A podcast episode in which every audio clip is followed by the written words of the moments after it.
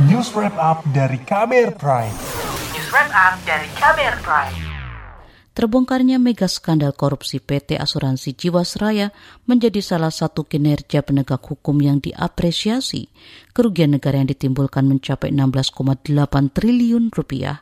Sudah enam terdakwa dari ex-manajemen Jiwasraya dan swasta diganjar hukuman seumur hidup.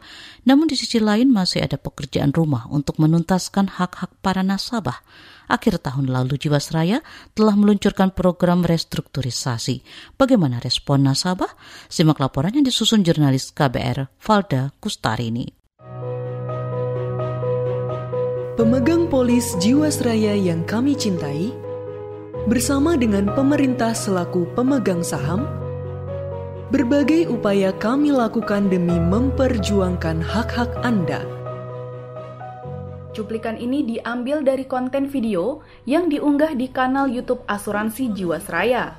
Video itu termasuk bagian dari sosialisasi program restrukturisasi yang ditawarkan kepada nasabah yang terdampak kasus mega skandal korupsi di asuransi pelat merah.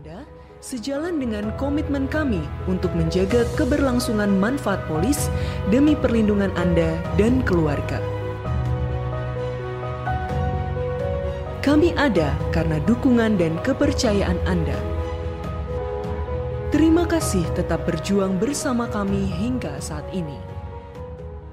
Bagi nasabah produk saving plan, bisa memilih tiga skema pengembalian dana dengan cara dicicil tanpa bunga. Skema pertama, dana dikembalikan 100% selama 15 tahun. Kedua, dana dikembalikan selama 5 tahun dengan nilai hanya 71% dari saldo awal.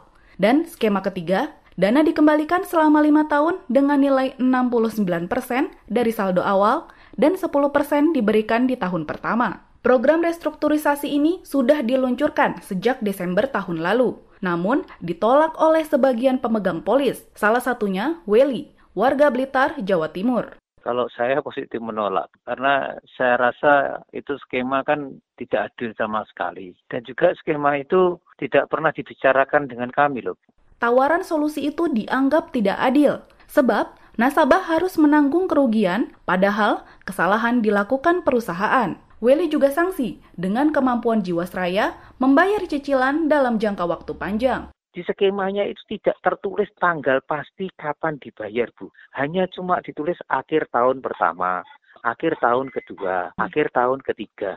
Kita tulis 31 Desember 2022 atau 31 Desember 2023 itu kan menunjukkan komitmen. Komitmen bahwa pasti dibayar. Padahal posisi skemanya aja tidak ada penalti Bu. Semuanya mereka meleset tanggal meleset nggak nggak bayar mereka nggak akan didenda Willy memiliki dana tak kurang dari 5 miliar rupiah di Jiwasraya. Skandal ini merusak rencana kerjanya. Saya ada beberapa polis, Bu, cukup besar juga. Di tempat saya ada yang polis cuma 250 ada, tapi ada juga yang sampai 5M ada. Yang jelas posisi untuk plan kerja saya kacau balau semua.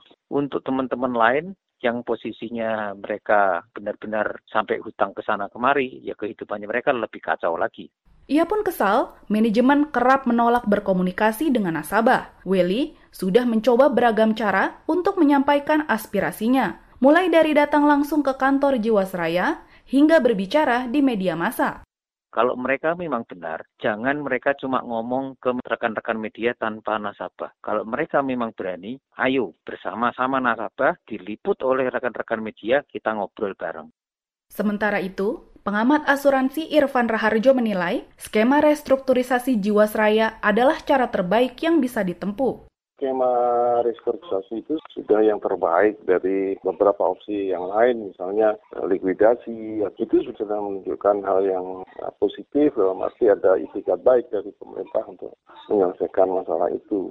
Penolakan dari nasabah bisa memengaruhi program restrukturisasi, apalagi saat ini tengah diproses gugatan penundaan kewajiban pembayaran utang PKPU terhadap Jiwasraya. Apalagi sekarang sedang berlangsung permohonan perbuatan melawan hukum di Pengadilan Negeri Jakarta Pusat yang sedang dalam proses persidangan dan kalau itu keduanya itu dikabulkan oleh pengadilan itu sangat menjadi tekanan yang luar biasa pada upaya restrukturisasi ini karena itu berarti harus dipatuhi sebagai uh, keputusan pengadilan oleh Jiwasraya. Gitu. Menurut Irfan, Jiwasraya bisa mengambil langkah alternatif pengembalian dana agar nasabah tak menunggu terlalu lama. Misalnya, menggunakan dana penyertaan modal negara atau PMN, tetapi dengan catatan harus dibayar langsung tanpa dicicil. Sejak awal saya usulkan agar dilakukan clustering nasabah yang kecil itu harus didahulukan, misalnya di bawah 50 juta, di bawah 100 juta harus didahulukan kelompok nasabah kecil. Kemudian yang kelompok menengah, misalnya dia bisa ditunda beberapa waktu, dan kelompok premium misalnya di haircut. Jadi sebetulnya kalau dengan 22 triliun itu sudah cukup karena kerugian awalnya itu 16 triliun. Demikian laporan khas KBR, saya Valda Kustarini.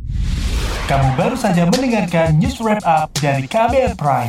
Dengarkan terus kbrprime.id, podcast for curious minds.